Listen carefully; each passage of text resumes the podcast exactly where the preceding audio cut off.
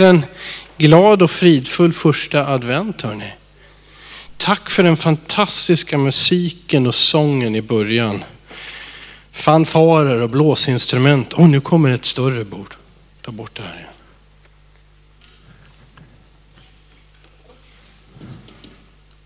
Ja, tysta ni är. Ja, okej, bra. Ja, vad härligt. Hur många mikrofoner ska jag ha nu? Fem? Okej. Okay. Två. Det är lite olika bud här. Bara visa mig om jag ska sänka den här så gör jag det. Eh, texten för predikan den har jag redan fått läsa och så hjälpte ni med att sjunga andra hälften av vers 9. Det var, det var Jesu intåg i Jerusalem. Eh, det stod i den där texten att Nej, det gjorde det inte. Jo, men det läste vi inte. Vers 10 och vers, vers 11 ska vi också läsa. Läser vi på en gång. Så Jesus red in på den här åsnan eller åsninnans föl. Och eh, så stod det sen så här i vers 10. När han drog in i Jerusalem kom hela staden i rörelse och man frågade, vem är han? Folket svarade, det är profeten Jesus från Nasaret i Galileen. Eh, när, när han kom, oj, vilken mikrofon är det? Är den där? Åh, oh, titta. Härligt. Ja, tack. Vad mycket snälla människor det finns. Tack kära tekniker. Tack för att ni möjliggör gudstjänster och precis. Och livestreaming och inspelning och, och, ni kan titta på predikningarna och ni vet att ni som inte tycker om att titta på predikningar, ni kan sätta på Spotify eller vilken poddapp som helst i världen typ så hittar ni Pingstkyrkan Eskilstuna. Så kan du lyssna när du joggar eller arbetar eller stryker eller vad du pysslar med, lagar mat. Du kan lyssna på en predikan en gång till. Eller många gånger om du vill. Hela staden kom i rörelse så det blev ju kaos, eller hur? Men det är också sökande. Vem är han? frågar de. Och eh, kaos och förvirring, det finns det rätt så mycket av, eller hur? Det finns hur mycket som helst. Hur kan vi skapa bestående fred på vår jord? De mest färska exemplen är Ukraina och Ryssland, Israel, Gaza. Eh, hur förhindrar vi fattigdom? Hur förhindrar vi hungersnöd? Hur kan, vi, hur kan vi få slut på våld i hemmen? Hur kan vi, eh, hur kan vi förhindra kriminaliteten på gator och på gränder? Hur kan vi bli av med cancer? Hur kan vi förhindra pandemier som både gör oss sjuka och isolerar oss från varandra? Hur bromsar vi miljöförstöringen? Hur löser vi de här klimatproblemen? Eller den där enkla frågan som är så viktig. Hur blir jag lycklig? Finns det någon som faktiskt kan visa mig vägen?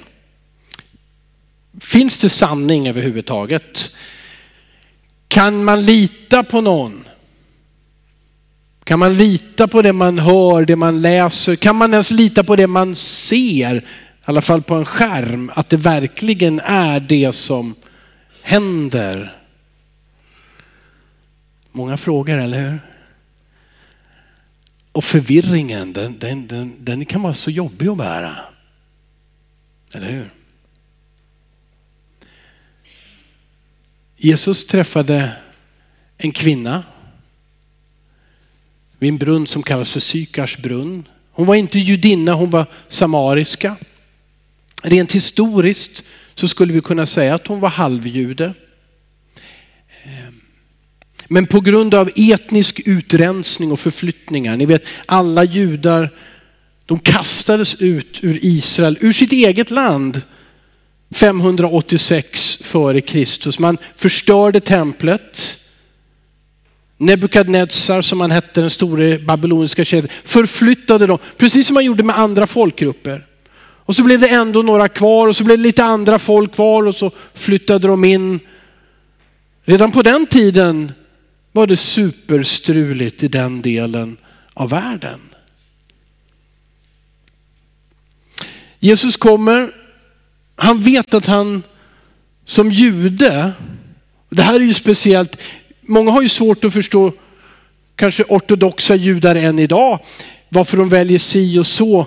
Men för en jude så, så gick man inte ens igenom Samarien. Man vi inte, skulle inte träffa det folkslaget som inte riktigt var ett riktigt folkslag och som hävdade att de trodde på Gud men, men ändå inte riktigt. Det är så här att de, de hade de fem Moseböckerna, det här samariska folket. Eh, men sen trodde de inte på profeterna och så vidare. Men Jesus sa vi måste gå den här vägen. Och så kommer de till den här staden, den har, eller byn ska vi kanske säga, den har byggts upp kring en, en vattenkälla, en brunn, Sykars brunn. Och lärjungarna är som jag ofta är, så lite hungrig, det kurrar i magen, man vill ha någonting. Jesus skickar in dem i stan, skaffa något att äta. Så kommer ut en kvinna vid middagstid för att hämta vatten. Och det är så uppenbart att någonting inte stämmer med den situationen. En ensam kvinna som kommer ut ur byn till, vatt, till brunnen för att hämta vatten. När alla andra är i staden eller har siesta eller vad de gör kan man förstå att hon liksom smyger sig dit och Jesus kommer in i ett samtal med henne. Han ser henne. Hon känner förvirringen. Du som känner igen berättelsen och vet att senare i samtalet så berättar hon att hon har haft flera olika, eller det är Jesus som säger, du har, ja, hon och Jesus. Att det har varit flera män i hennes liv och den hon har nu den tillhör inte ens henne. Alltså det är bara förvirring, det är en, ett sökande efter lycka och, och stabilitet och julfrid. Riktig frid. Men det går liksom sönder gång efter gång. Jesus ser igenom henne, men på det där kärleksfulla sättet som överraskar, som är så speciellt för Jesus. För när vi avslöjar varandra, då är det ofta peka finger och anklaga, eller du borde veta bättre och så vidare. Jesus säger henne sanningen på ett sätt som ingen annan har gjort. Han, han vet hela sanningen utan att han har varit med. Bara det är ett under men det andra är att han ser henne, han ser den här människan, han, ska vi använda våra ord, han, han bekräftar henne. Han ser henne, dömer inte henne. Och det här blir livsförvandlande för henne. Det blir ett livsförvandlande möte.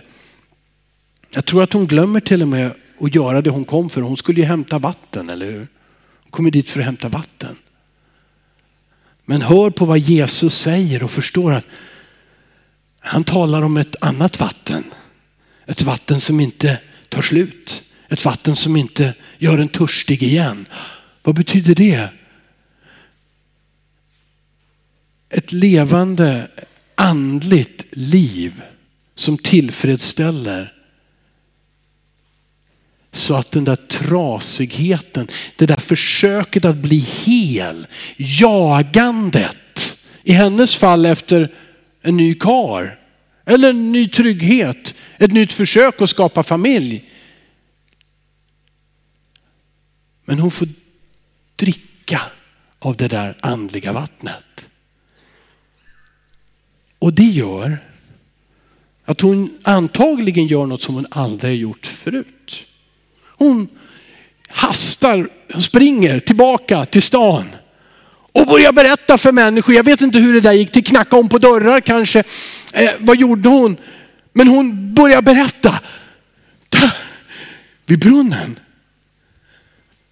Då står det så här. Kvinnan lämnade sin vattenkruka och gick in i stan och sa till folket.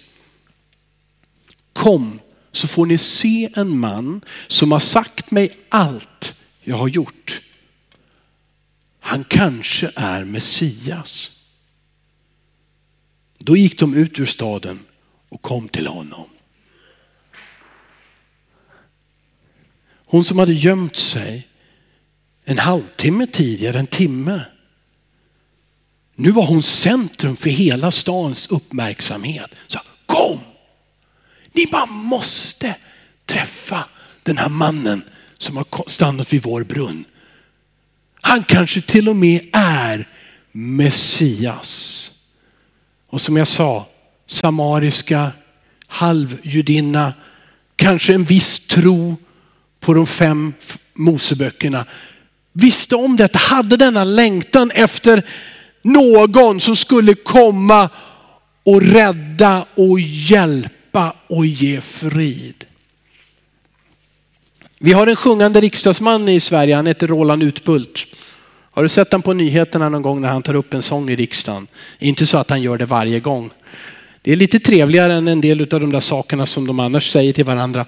Men de är bra, jag respekterar våra politiker, jag ber för dem. Men Roland Utbult han, han, han skrev så här för många år sedan en sång.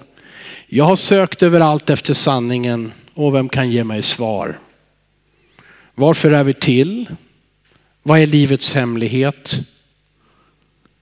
Lyssna nu på mig. Jag fann en som kände mig väl innan jag ens visste vem han var. Och sen så sjunger han refrängen på den här härliga sången. Jag har en sång inom mig.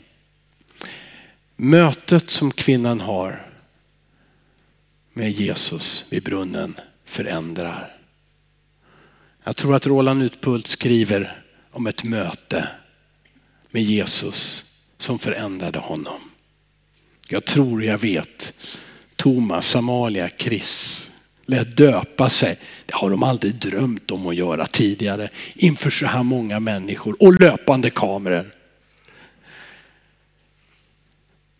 Men mötet med Jesus förändrar, kan överraska. Det kan skrämma.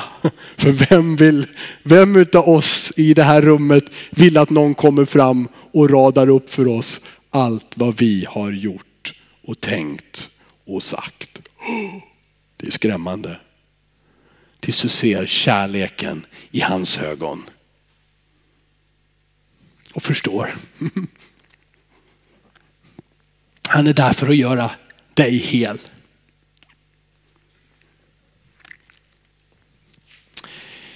Det finns en att lita på i en förvirrad tid. Advent handlar om honom. Glögg och pepparkakor, jättegott och mysigt och trevligt. Men advent handlar om Jesus. Julen, familj, presenter, massor med mat. Och vad kul, vad roligt att få göra samma saker om och om igen. Kanske lägger du till en ny tradition, jag vet inte. Men julen handlar om honom som kom. Honom som kan göra ett hjärta helt. En som du och jag kan lita på. Vad heter han? Ja, det, det, var ingen som hörde det där. Vänta. Vad heter han? Ja, han heter Jesus. Precis. Och det står att den som uttalar det namnet och kallar honom för Herre, bekänner honom som Herre, ska vara frälst. Eller hur?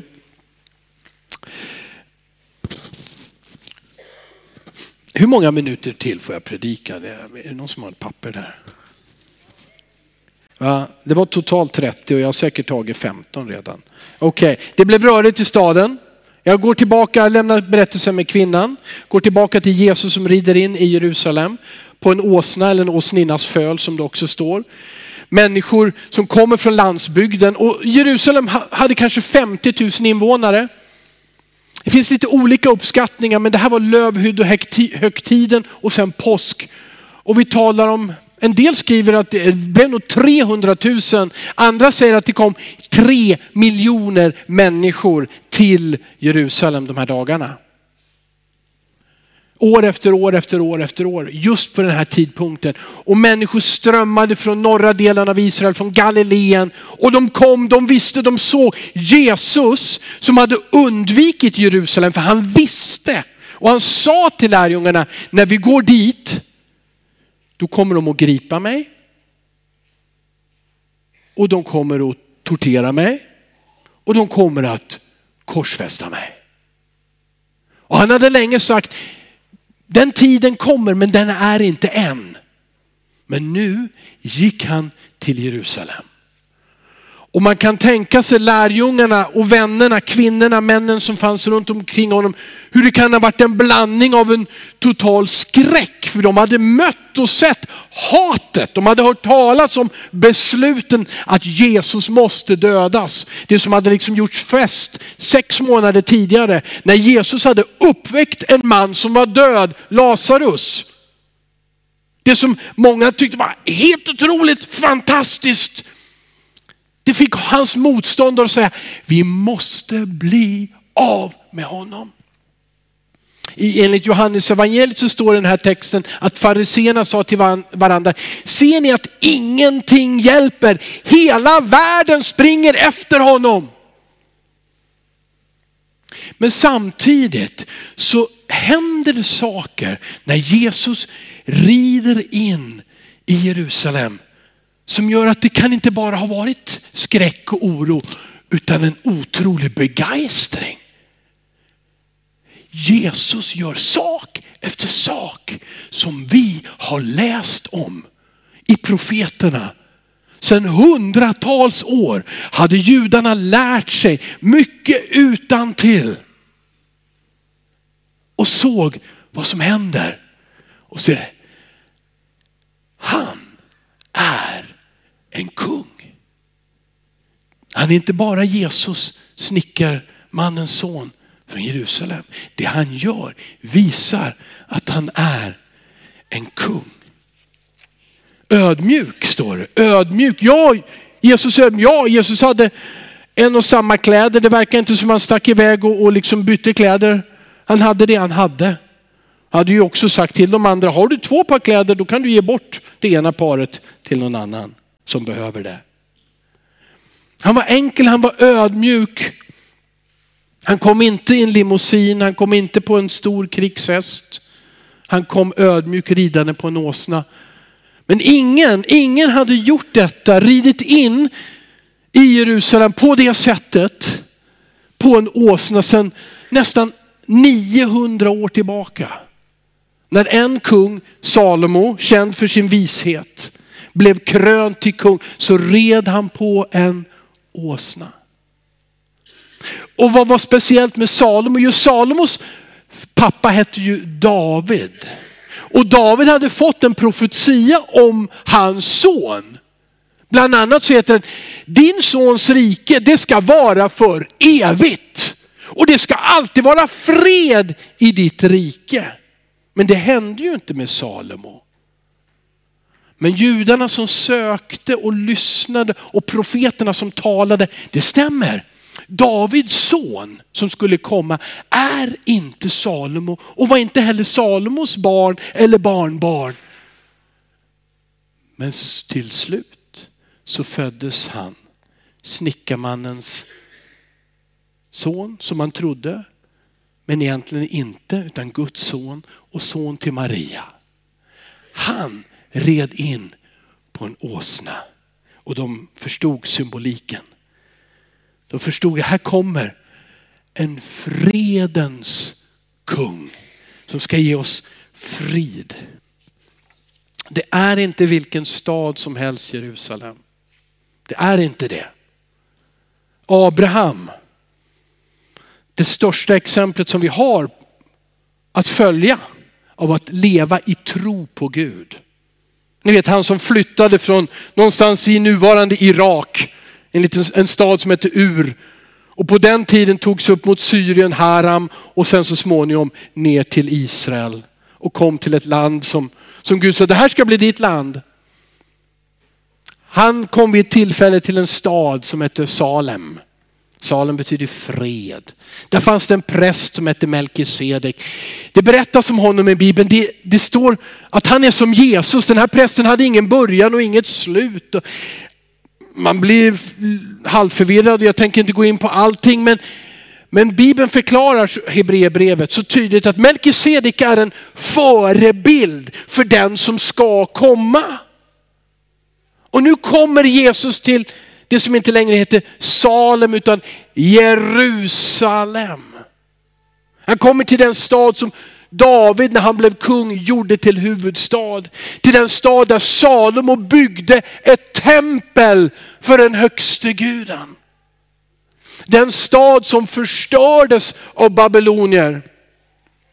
Det tempel som förstördes men återuppbyggdes av Nehemja och judarna när de efter 70 år blev befriade och fick komma tillbaka till sitt land. Han kommer till Jerusalem och det dryper av profetiska händelser när han rider in. Det står så här, det, det här är ju Sakarja kapitel 9, men jag läser Sakarja kapitel 14. Det är alltså en av gamla testamentets profeter. Talar mycket om Israel, mycket om, om Jerusalem. Jag talar också mycket om den tid som vi är i. Men jag läser så här, Sakarja 14, 8. Det ska ske på den dagen att levande vatten ska strömma från Jerusalem. Hälften mot östra havet och hälften mot västra havet. Både sommar och vinter ska det vara. Herren ska vara kung över hela jorden. Och på den dagen ska Herren vara en och hans namn ett. Det är bara, det, det, det vi ser både hur Jesus bekräftade detta vid sin första tillkommelse och också hur detta ska gå i en slutlig uppfyllelse när han kommer tillbaka. Det står att det ska finnas levande vatten som ska strömma från Jerusalem. På lövhögtiden, det står i Johannesbrevets sjunde kapitel, så står det Jesus på den sista dagen av högtiden så ställde han sig upp och ropade och lovade att i ditt inre ska det vara, flyta strömmar av levande vatten. Och det här sa han till alla som skulle få den helige ande. Amen. Och det är han som är kung. Och inte bara, Pilatus skriver fel. Eller vänta, Pilatus, ja, jo Pilatus. Han skriver judarnas kung. Ja det stämmer, men det står här, han är hela jordens kung, alla folkslag, alla människor, oavsett var vi kommer ifrån. Han är kungen. För alla nationer. Okej, okay. nu får du inte somna hörru. Jag ska bara säga ett par saker till. För det är, tycker jag, så oerhört spännande vad som står här. Det står också att han, de, folket sa, han är profeten. Och det var samma sak som kvinnan vid Sykars brunn Han är profeten men sen la hon till, kan han vara Messias? Och profeten, vem var profeten med stort P? Jo det står i femte Mosebok. Där säger Gud till Moses, det ska komma en profet lik dig. Och han ska, vad står det, jag ska lägga mina ord i hans mun och han ska tala till dem allt som jag befaller honom. Och när jag läste igår Johannes evangeliet, jag inte hela, inte varenda vers, men då hittade jag fem gånger då Jesus säger ungefär så här.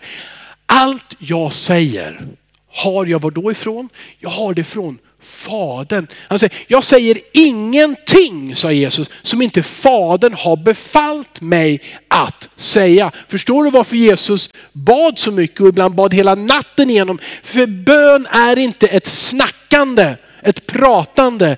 Bön är ett lyssnande. Jesus hörde Fadern tala och han talade Guds vilja. Han var profeten. Och det märkte ju kvinnan så tydligt. När han i ett möte med henne kunde rada upp vad hon hade gjort, vad som hade hänt i hennes liv. Så till den grad att hon tappade fattningen, sprang in i staden och berättade, han har sagt mig allt jag har gjort.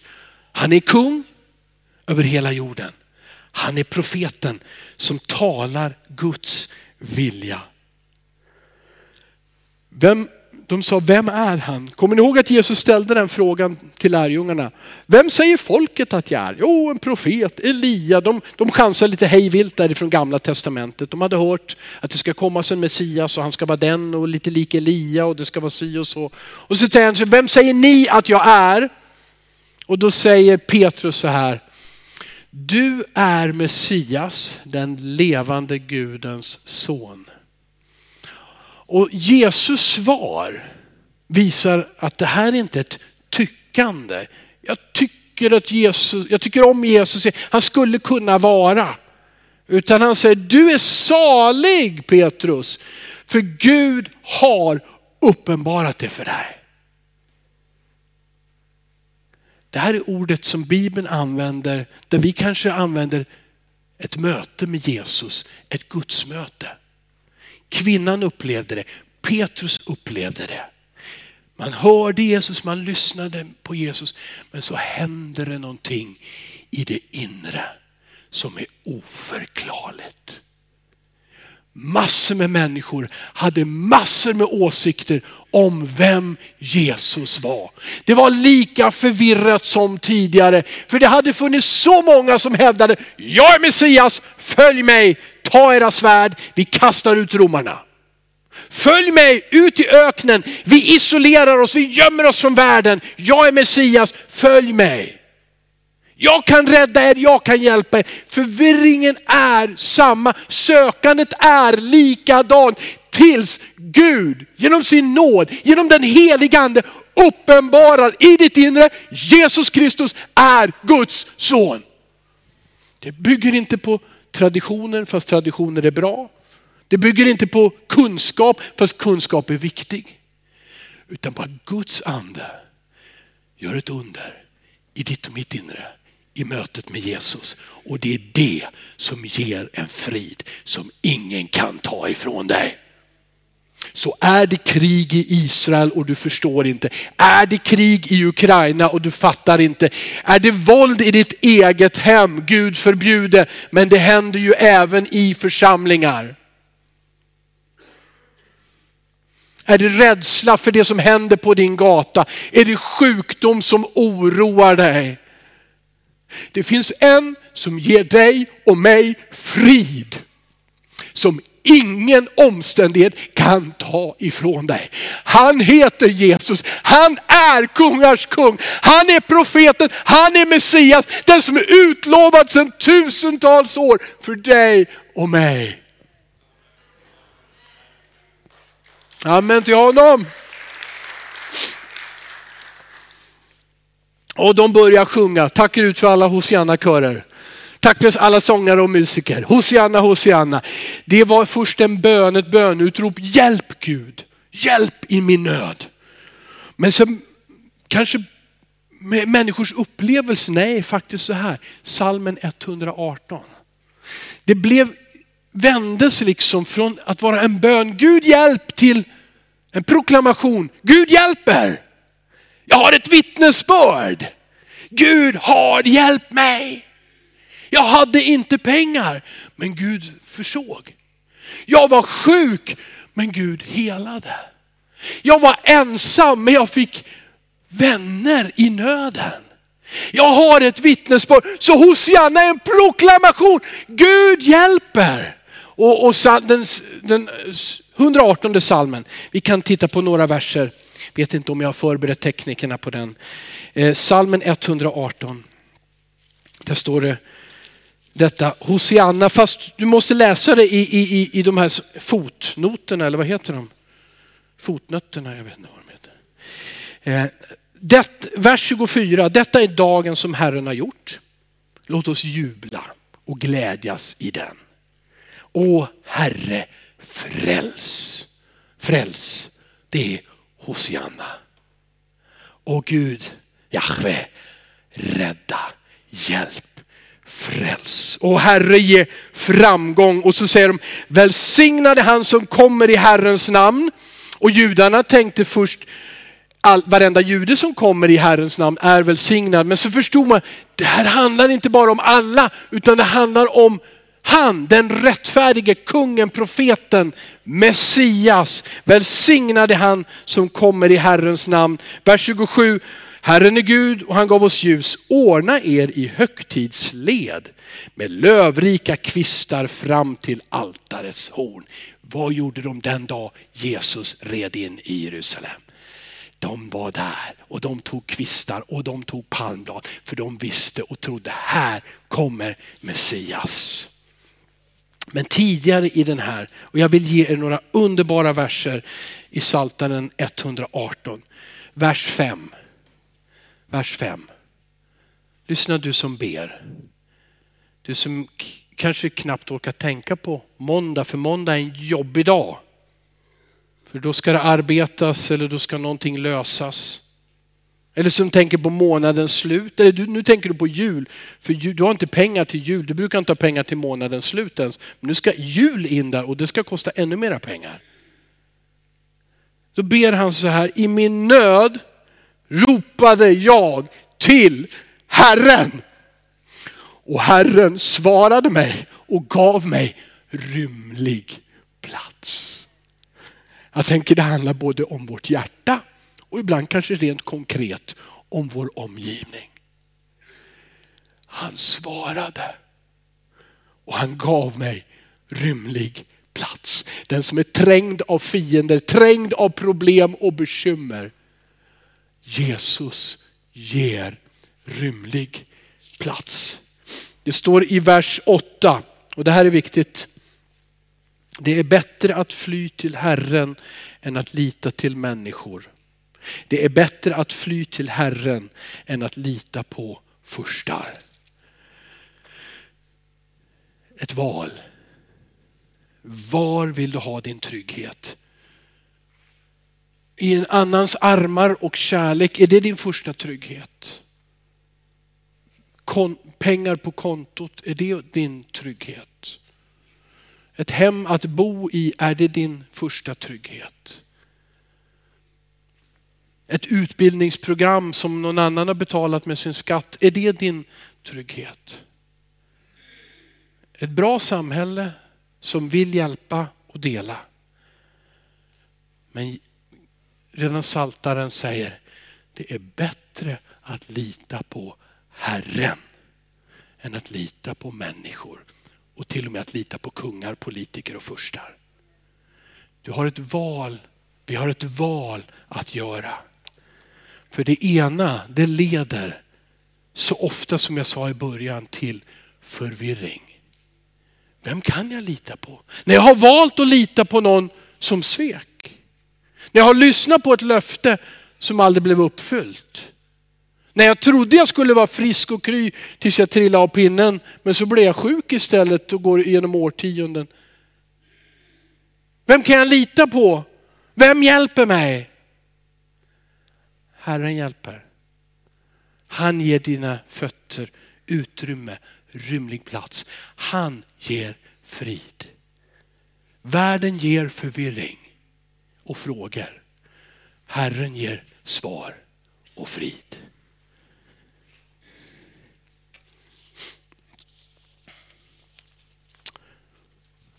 avslutningen.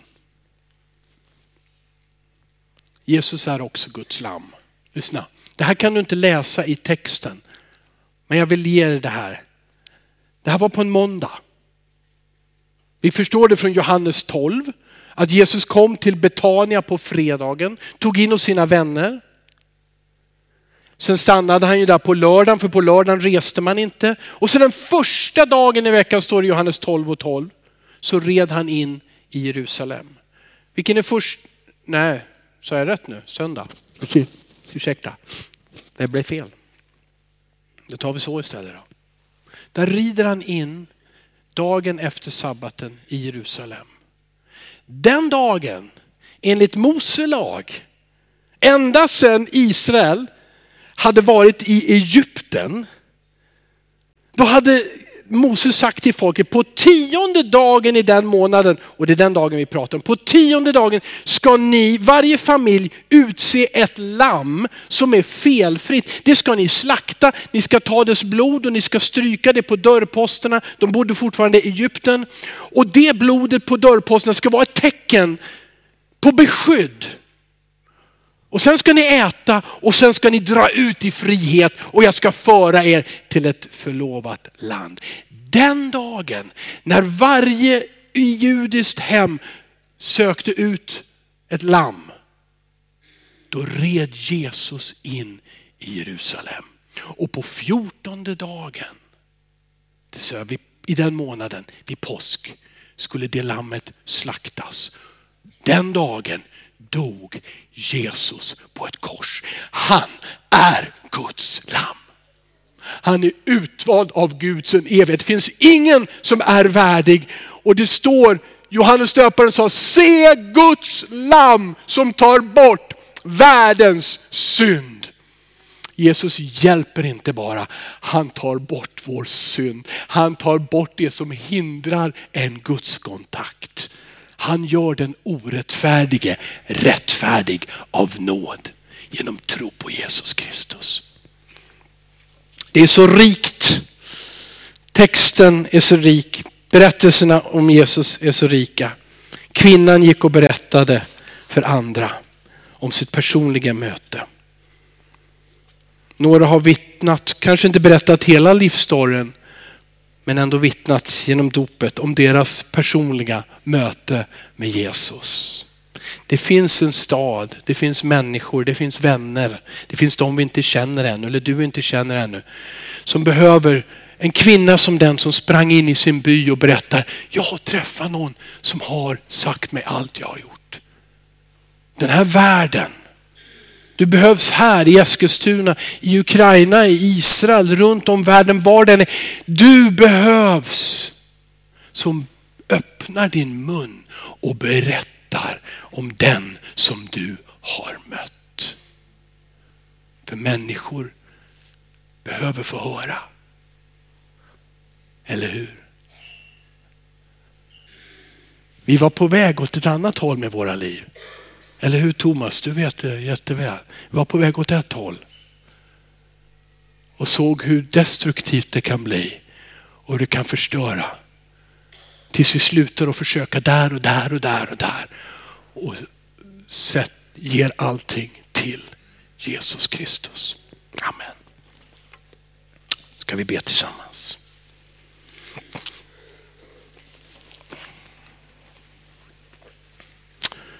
Fader i himlen, tack för att du har sänt din son för varje människa. Tack för att du inte sänder din son bara till dem som lyckas eller kan bevisa att de nu har bättrat sig. Tack för att du sänder din son till varje människa. Tack för att Jesus lever och är här. Och nu ber vi till dig Fader att du själv ska bekräfta i hjärtan att du är här. Att ge frid.